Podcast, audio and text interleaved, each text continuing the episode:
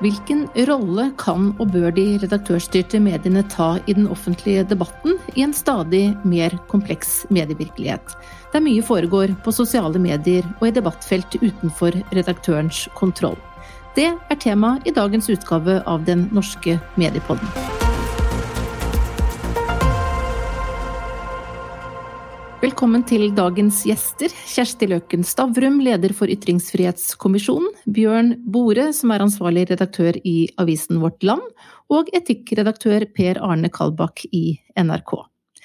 I dag skal vi snakke om den offentlige debatten og hvilken rolle de redaktørstyrte mediene både har og bør ta for dem. En viktig del av medienes samfunnsoppdrag er jo å bidra til den offentlige debatten, og tradisjonelt har det vært gjennom medienes egne synspunkter, formidlet gjennom ledere og kommentarer, og ved å slippe til andre i form av for eksempel leserinnlegg. Så kom internett og sosiale medier, det ble enklere for flere å slippe til med sine meninger, og plutselig var mye av debatten flyttet over til en annen arena utenfor redaktørens kontroll. Og Bjørn Bore, du er eh, redaktør i Vårt Land, og sett fra ditt ståsted, hvordan har nettets inntog og framveksten av sosiale medier påvirket de redaktørstyrte medienes rolle i den offentlige debatten? I sum veldig positivt. Eh, jeg mener eh, de har demokratisert og åpnet opp mediene og gitt et større meningsmangfold. I sum har det vært en veldig positiv utvikling. Det har jo tvunget redaktørene og journalistene ut av, ut av elfenbenstårnet. Eh, og, og, som sagt så, så, trenger du ikke lenger en trykkepresse for å slippe til. Eh, det gjør det også lettere å få fatt i og konfrontere redaktører og, og, og få fram eh, andre meninger og utfylle bildet og påpeke faktafeil i mediene. Det mener jeg har påvirket journalistikken i sum i en positiv retning.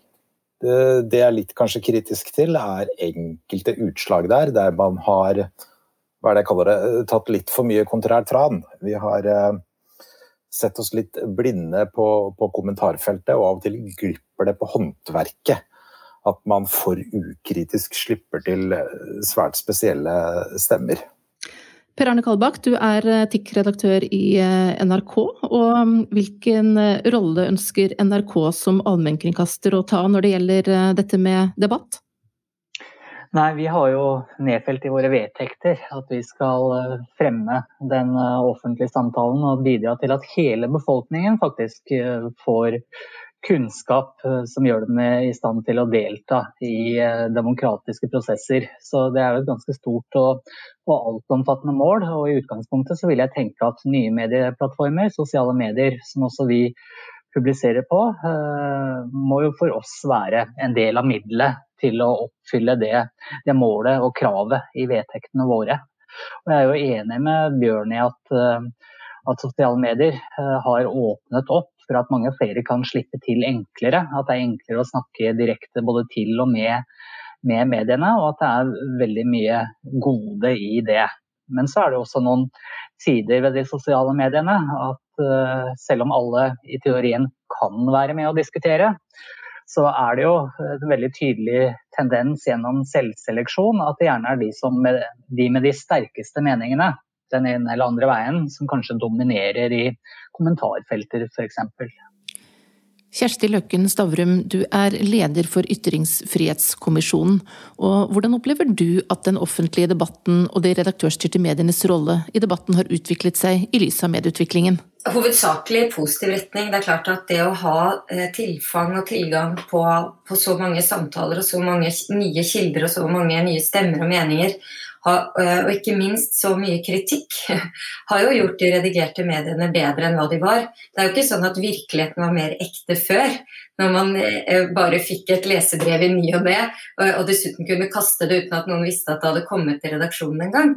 Eh, men, men virkeligheten er jo blitt også mye mer komplisert. Nettopp fordi at vi, vi har denne fantastiske tilgangen på, på masse meninger og masse synspunkter. Eh, og, og, den læringsprosessen står, vil jo mediene, de redigerte mediene være hele veien. Eh, og så, og så er det vel som en sånn pendeleffekt at man kanskje har vært litt for begeistret for eh, og litt for lite reflektert over hvem som har på en måte blitt plukket opp fra, fra de sosiale mediene. Da. Men så er det jo også sånn at de redigerte mediene skal jo være redigerte, det sier seg jo selv. Men, men de skal jo også være mangfoldige. Uh, så, så, de bør jo redigeres ut fra ulike ståsted og ulike uh, innfallsvinkler, og det gjør jo Vårt Land og NRK. Det er jo illustrert med svarene som kom her, egentlig. Eh, men syns du at de redaktørstyrte mediene har klart å ta en god rolle i denne nye medievirkeligheten når det gjelder dette med debatt? Altså, eh, det, jeg vil vel si at man har gjort noen uh, underveis i denne marsjen. og det blir jo, Jeg har jo vært med hele veien. Uh, og det er klart at uh, i begynnelsen, da, da, vi plutselig ble klar over at det var ikke bare mange stemmer der ute, men mange veldig sterke stemmer og mange meninger vi, vi virkelig ikke visste at fantes, så, så, var vi kanskje litt lite, eller mediene litt lite reflektert over at man burde faktisk redigere disse kommentarfeltene. for det jeg husker i hvert fall i debatter jeg var med i da, så fikk jeg beskjed om at det var nettets natur. Eh, og Derfor så skulle de, eh, slike debattråder ikke røres. De skulle på en måte få lov til å leve sitt eget liv, og det er jeg jo glad de ikke gjør lenger. Eh, samtidig så, så er det jo sånn at eh, mange nå har jo vokst opp med vissheten om at de har fri tilgang på arenaer hvor de kan ytre seg. Eh, og det å, det å, tenke at man ikke lenger skulle ha det, tror jeg også er vanskelig å, vanskelig å forstå. Så, så, for ungdommer som er vokst opp i det frie internettet, så vil det kanskje bli vanskeligere og vanskeligere å forklare hva det redigerte mediet er. da. Eh, hvilken rolle er det de spiller inn? Hvorfor får du ikke gjort meningene dine eh, gjeldende der. At nei, da må du gå på Facebook f.eks. Eh, så, eh, så det tenker jeg vel er eh, For alle som ikke har vokst opp med overgangen fra avis, eh, så, så, vil de redigerte mediene måtte forklare seg selv, tror jeg, tydeligere og tydeligere hvil, de, hvilken verdiskapning de gjør. Bjørn, hva tenker du om det? Jeg er usikker på om det er en uh, generasjonskonflikt. for det, Hvis vi ser på hvem som bruker kommentarfeltet uh, til politiske standpunkter, så er jo det i overveldende grad samme demografi som var i lesebrevspaltene før. Og det er jo menn på min alder og oppover uh, som dominerer i, i, i nettdebattene. men de yngre stiller seg kanskje litt mer fremmed til ting som abonnement og å lese en, en og en avis osv. Men jeg oppfatter ikke akkurat den der kravet om å skulle få kommentere under artikkelen som en sånn veldig sterk eh, generasjonskonflikt. Eh, når jeg får klage på at vi fjerner kommentarfelt og sånn, så, så, er det gjerne svært godt voksne menn som, som, argumenterer mot det. Det er veldig få klager fra unge kvinner på akkurat det punktet. Du skriver i en eh, kommentar Bjørn, i egen avis at journalistikk er å velge, og handler like mye om å ikke publisere som å publisere. Og at det handler om hvem som slipper til og, og, ikke. Og slik jeg forstår deg, så mener du at norske medier, i alle fall en del av dem, har gått for langt når det gjelder å slippe til en del stemmer. Kan du ikke si litt mer om det? Ja, nei, nå vil jeg jo si at dette er en sånn mer journalistisk håndverksdebatt fra mitt ståsted, og ikke en ytringsfrihetsdebatt. Jeg tar ikke til orde for noe no platforming eller å viske ut deler av virkeligheten. Det er jeg veldig kritisk til. Eh, problemet er som jeg skriver, er når ytterpunktene ikke utfordres eller møter kritisk motstand, eller når ytringene ikke blir satt i kontekst. Når du bare liksom hiver på med kontrære stemmer fordi det er kontrært, så, så blir det problematisk. Og, og, av og til oppfatter jeg at dette er et litt sånn klikkjag. Uh, og det er jo Jeg har jo mange år med, bak meg på, på desken i Dagbladet, og, og, og, slik er det kanskje litt i VG òg, at når det, når det, går litt trått da, med trafikktallene, så hiver du på med et haiangrep, eller så finner du en stor penis et sted, eller et eller annet sånt. Og det, det, er et virkemiddel mange andre medier ikke bruker. Men de ser at de får veldig mye temperatur da, av å hive inn kontrære stemmer.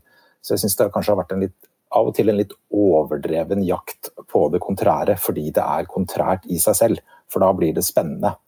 Det, og, og, da har vi fått noen uhell der uh, kanskje svært ekstreme og spesielle stemmer blir normalisert og ikke møter den kritiske motstanden de bør møte i et redaktørstyrt medium. Og det har oppstått situasjoner med såkalt falsk balanse. Og Det er jo det min kritikk retter seg mot. Jeg mener jo ikke at vi ikke skal slippe til folk med marginale og avvikende meninger. Eh, jeg redigerer jo selv en avis som bruker veldig mye tid på å få en svært bred debatt. Eh, det er veldig viktig for oss.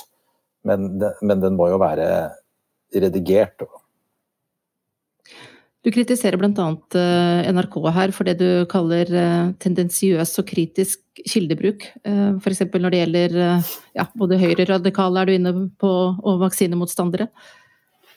Ja, det, det, er det ikke bare jeg som sier. Når du snakker med, med folk som, og journalister som følger ekstreme miljøer tett, så, så, er det en litt gjengs holdning at NRK er litt hissigere på grøten der. Eh, det tror jeg nok skyldes flere ting. Det skyldes jo for det første at NRK er veldig store. Eh, en veldig stor andel av norske journalister jobber jo i NRK, og dermed vil jo mange av feilene skje der. Eh, og så oppfatter nok NRK at de har et veldig sterkt mandat fra en bred og mangfoldig debatt. Og de har jo også mange debattflater der man gjerne skal ha på den ene og den andre siden. Og I Norge er det jo vanskelig å finne Trump-tilhengere, f.eks., og da må du gå veldig langt ut. Så, så, så, jeg tror det skyldes mye det. Men det har også, oppfatter jeg, da, enkelte medarbeidere og redaksjonsmiljøer i NRK som kanskje har en jeg er litt for glad i den der kontrære tranflaska, og da får du en del arbeidsuhell. For f.eks. Eh, var det jo da nylig på NRK Nyhetsmorgen, så hadde man jo da en meningsmåling om at eh, en av ti sykepleiere, tror jeg det var, var litt skeptiske til vaksinen. Og så trekker man da fram en person som til vanlig liker da å advare folk mot mikrochipper og sånt som er i vaksiner. Og da, da mener jeg da, man, da normaliserer man og er litt ukritisk mot en svært, svært marginal stemme. Per Arne Kolbakk, hva sier du til eh, denne kritikken?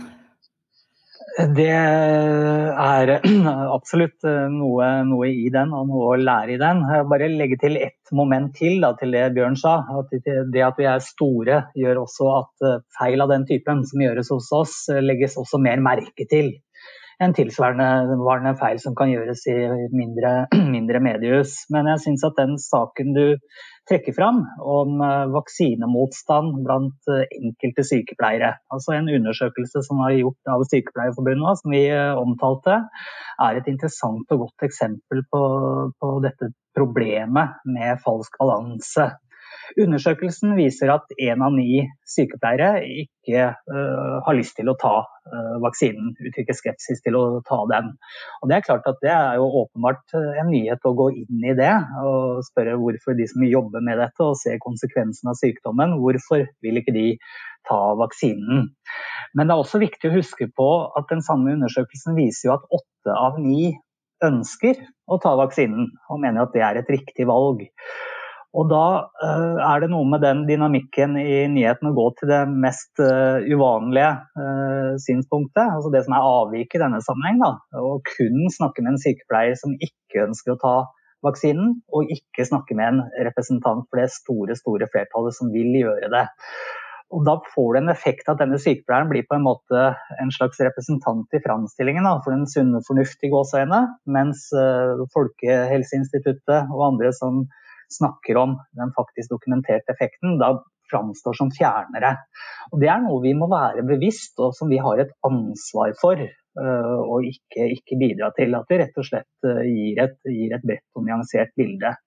Det andre problemet med den saken har med kildekritikk å gjøre. Øh, ja, det var en sykepleier som har spredd konspirasjonsteorier om vaksiner på Facebook, da bør vi i utgangspunktet finne en annen kilde. Men det er vårt ansvar at vi bruker den kilden. Men vi publiserte også først en uttalelse fra vedkommende om at det ikke var dokumentert noen effekt av vaksinen. Sånne gale påstander kan ikke vi videreformidle. Jeg liker debatten. Jeg syns det, det, er viktig å diskutere hvem, som, hvem, man velger og hvorfor man gjør det. Eh, og så er jeg glad for at dette ikke er en sånn 'noen bør aldri få slippe til'-diskusjon, eh, for det tror jeg er veldig skadelig for de redigerte mediene. Jeg er jo selvfølgelig enig når Bjørn sier at eh, de redigerte, de redigerte mediet er like mye hva man ikke publiserer. Samtidig så tror jeg vi alle vet at hvis det er noe som stresser leserne, så er det at vi vet mye vi ikke publiserer. Eh, så, så, det å skape en trygghet for at vi faktisk publiserer det vi vet, og at det er viktige ting eh, som bør fram, som kommer fram, eh, det, det er bra. Men det, det, liksom, det, handler ikke dette om, men jeg vil gjerne presisere det. Og så er det selvfølgelig det, den, det journalistiske imperativet som dessverre ofte er sånn jo verre, desto bedre. Det er på en måte en refleks man har vokst opp med, og, da velger man avviket. Eller det ekstreme eller det kontrære.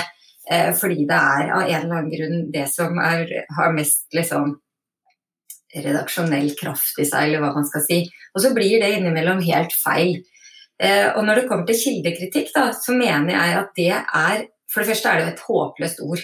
Det gir bare mening for, for, oss som skjønner at det ikke betyr at vi skal ødelegge kilden eller kritisere kilden, men at vi skal gjøre noen vurderinger rundt det valget.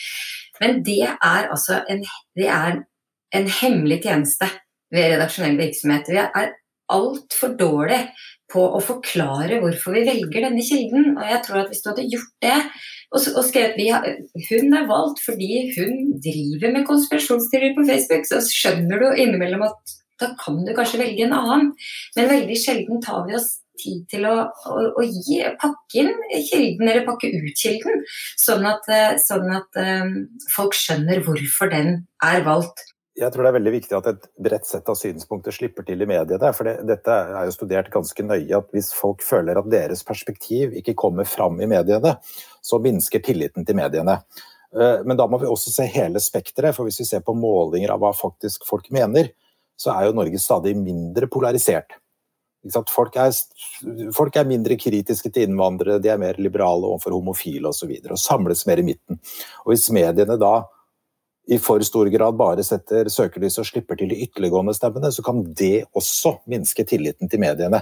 Så det er ikke slik at vi ivaretar tilliten til mediene best ved å, ved å bare søke ytterpunktene for at de også skal føle seg representert. Eh, og Det er der jeg har en litt spissformulert formulering om at her har vi her har mediene lytta for mye til kommentarfeltet og for lite til folket. Det jeg kanskje syns mediene har svikta litt i, i, i, i forbindelse med, med, disse nye alternative mediene, som de kalles, er jo at man har fortalt en litt feilaktig for, Man har gått med på et litt feilaktig narrativ om at folk flest er i vill flukt fra de redigerte mediene over til de nye alternative mediene.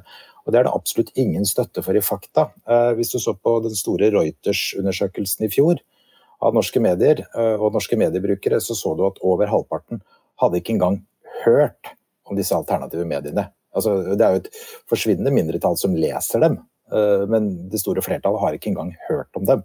Hvis du ser eh, De siste årene så ser du at tilliten til norske medier har jo økt under koronakrisen, og de tradisjonelle mediene står svært sterkt i Norge. Det er litt sånn uheldig det at man det tror jeg ikke er Journalister er jo som folk flest, egentlig. At vi har en lei tendens til å løpe av gårde med påstander som uh, høres riktig ut. Og, og, og, en av de er det at, at, norske, at mediene har et tillitsbrudd. Og det har i hvert fall jeg forsøkt å si i flere år, at det er ikke riktig. Det, altså, du finner ikke det i tallene. Det har aldri vært i tallene. Og tilsvarende da dette, dette postulatet om at Norge er så polarisert. Enda alle som følger de politiske meningsmålingene, jo se at eh, hvor er den polariseringen? Den, den, den er ikke i det politiske landskapet. Eh, og den er eh, åpenbart heller ikke i, i målinger av meninger, f.eks. Men, men det er igjen dette Vi er jo Altså hvis, vi, hvis, vi, faktisk legger til grunn at journalister er rimelig like folk flest, så er vi alle noen, alle noen sladrekjerringer. Vi, liker vi liker på en måte å hause opp ting.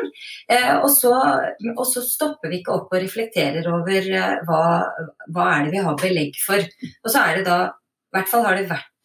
Eh, litt kjedelig òg, å på en måte rapportere i en sånn avbalansert eh, Eller rapportere om avbalanserte forhold.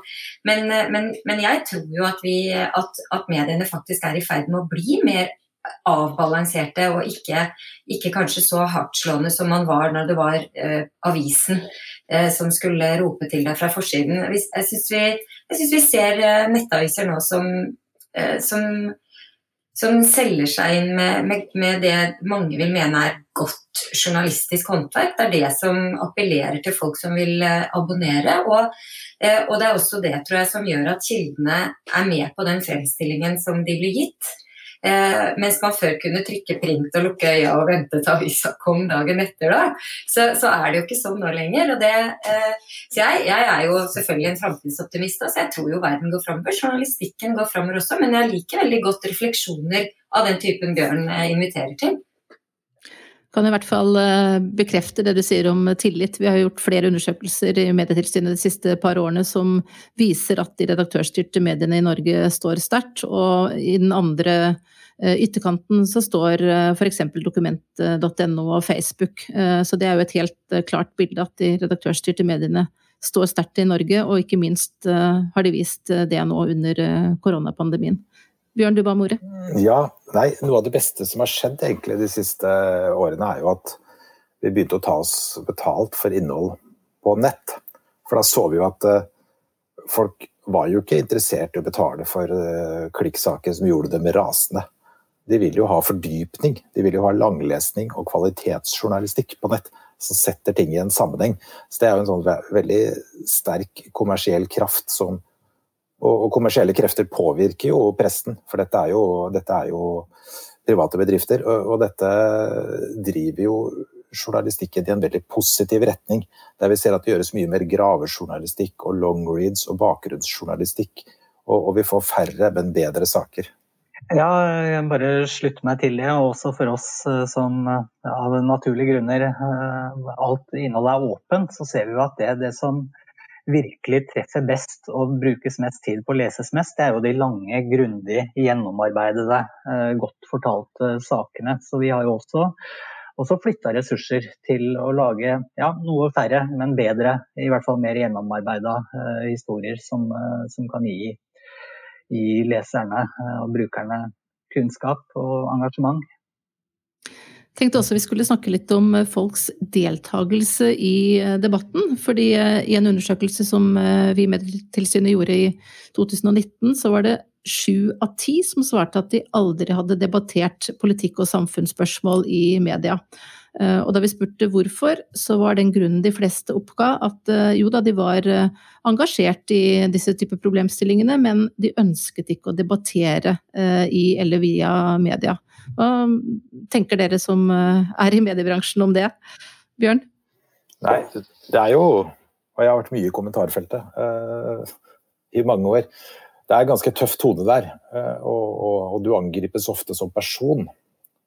Så uh, Spesielt hvis du tilhører enkelte typer demografier, da. Så, så jeg skjønner jo at mange er tilbakeholdne.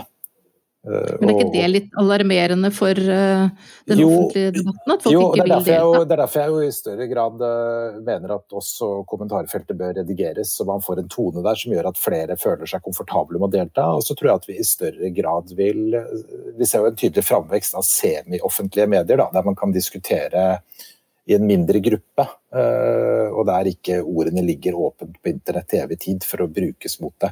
Som f.eks. Eh, den økte interessen for Clubhouse nå. Vi ser jo at spesielt yngre liker å bruke litt mer private sosiale medier enn disse veldig offentlige som Twitter og Facebook er. Per Arne? Ja, det er fristende å si at eh, det er fortsatt litt usikkert hvor privat Clubhouse egentlig er, men det er en litt annen debatt som vi, som vi får følge, følge, videre. Men jeg, er, jeg syns at et av de største dilemmaene eh, vi har Eh, i dagens digitale medieverden, er hvordan vi skal kunne legge til rette for arenaer hvor den store offentligheten, altså folk flest, faktisk kan delta i debatten. For vi opplever akkurat det samme. At det er et fåtall eh, som velger å la sin stemme eh, bli veldig hørt, mens de fleste da ikke orker av ulike grunner.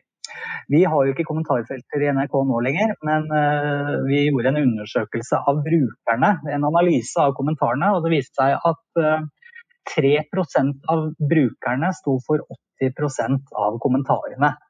Så det er en bitte, bitte liten minoritet som uh, fordi det er fritt, og det skal det jo være i, et åpent kommentarfelt, styrer hele debatten. Og i mange tilfeller Eh, skremmer unna det store flertallet. og Det er som et ganske stort, eller et veldig stort dilemma som jeg ikke har noe godt svar på foreløpig, hvordan vi skal løse det.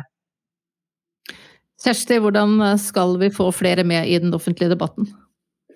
Altså, på et sett og vis så tenker jeg at det er ikke så unaturlig at det, at det store flertallet ikke diskuterer politikk i sosiale medier. Jeg er ikke sikker på at det er et tall som lar seg liksom rokke grundig ved heller.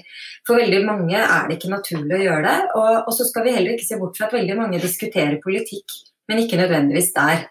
Jeg syns det er en bra påminnelse å innimellom ta frem boka til Halvard Moe og flere forskere som heter 'Informerte borgere', som på en måte minner om at, at folk får faktisk informasjon fra mange steder, ikke bare fra, fra eh, internett og de redigerte mediene. Og, eh, og, at de er, blir informert likevel, og at de føler seg eh, delaktige i samfunnet vårt og i demokratiet vårt. Så Det er nå det ene. Og så er det En annen ting som er så i tende sinn om, er jo det Det snakkes jo bare dritt om kommentarfeltet. Uh, og det er uh, mange som ikke har, har, det er mange som ikke har dårlige erfaringer med kommentarfeltet, men jeg tror at vi lykkes med å skremme mange bort bare ved samtalen om det.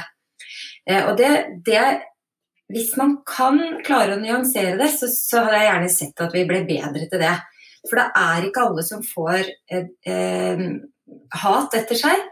Det er noen som får det, og det er La oss være enige om at det er utålelig, men, men, det er ikke alle som gjør det. Og jeg er redd for at, at samtalen om den forferdelige eh, nettsamtalen gjør at man ikke prøver seg engang. Eh, og så er det sånn at vi tåler forskjellig også. Der vi står i dag, hva tror dere om eh, framtida for den eh, offentlige debatten? Stort spørsmål, men eh, likevel. Ja, men la meg prøve, da. Jeg tror jo at den offentlige debatten hovedsakelig preges av eh, utdanningsnivå eh, og fremtidshåp.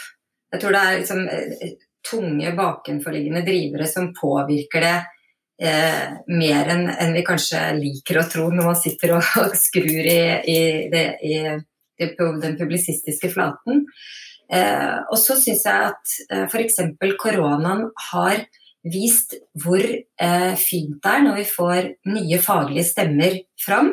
Det virker som eh, mange har blitt eh, gitt trygghet og har hatt lyst til å delta i, i å eh, bidra med sine kunnskaper om smittevern, smittespredning eh, og alt vi har liksom trengt å reflektere over. Og det håper jo jeg at, eh, at skal inspirere informasjonsavdelinger i andre bedrifter, sånn at de har lyst til å løfte fram sine faglig sterke eh, og berettigede stemmer, og ikke skape eh, en sånn utydelighet rundt om det er greit å delta i den offentlige debatten. Eh, eh og derfor så er jeg ikke helt sikker, og derfor så gjør jeg det ikke.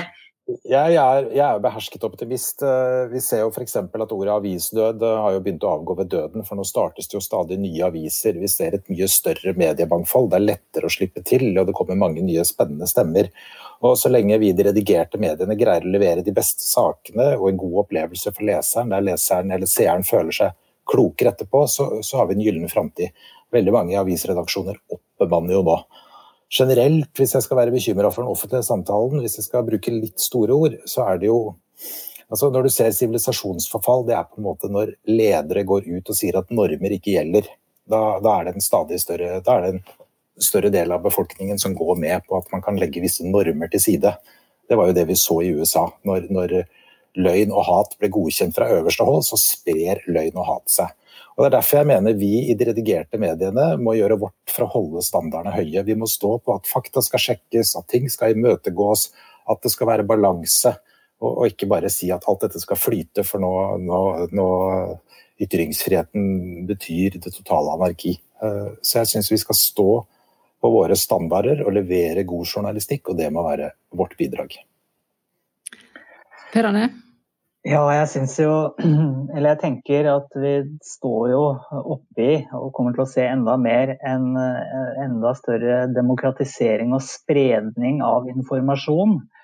Kombinert med, og nok en enda sterkere etter hvert, fragmentering av diskusjon.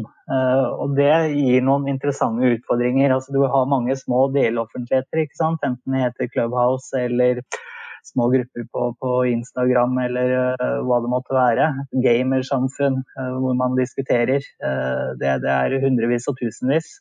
Samtidig som den samme informasjonen, og når vi lager gode saker, så havner de i alle disse små deloffentlighetene. Men hvordan, hvordan den offentlige samtalen utvikler seg når diskusjonen er fragmentert, det er et interessant og åpent spørsmål, tenker jeg. Jeg tror det er en styrke for Norge, selvfølgelig er det det, at, at mediene leses av folk av, av, ulike politiske avskygninger. Det er ikke sånn at du, stemmer du et parti, så leser du den avisa. Det, eh, de konsumeres alle. og det, det, det skaper en, en, bredde i seg selv. Samtidig så må jeg si at det er, det er ting ved Clubhouse som selvfølgelig er problematisk, men det er det jaggu med Facebook òg.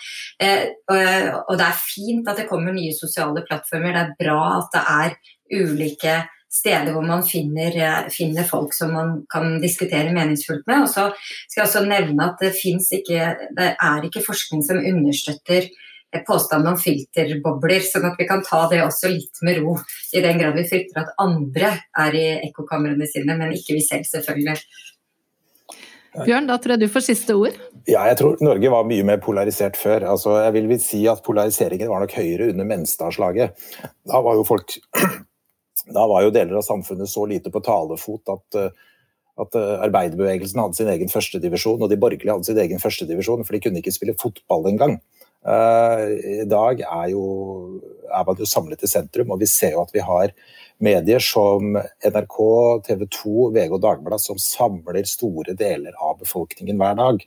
Og dette er, Man kan si mye om, om VG og Dagbladet og TV 2 og NRK, men hvis vi sammenligner det med andre massemedier i utlandet, så vil jeg si det er medier av, av, av svært høy og seriøs kvalitet. Så nok en gang så må vi bare være takknemlige for at vi vokste opp i dette landet, egentlig. Vi har det bra her. Da fikk Bjørn Bore siste ord. Han er ansvarlig redaktør i avisen Vårt Land. Tusen takk også til etikkredaktør Per Arne Kalbakk i NRK, og Kjersti Løken Stavrum, som er leder for Ytringsfrihetskommisjonen. Jeg heter Mari Welsand og er direktør i Medietilsynet.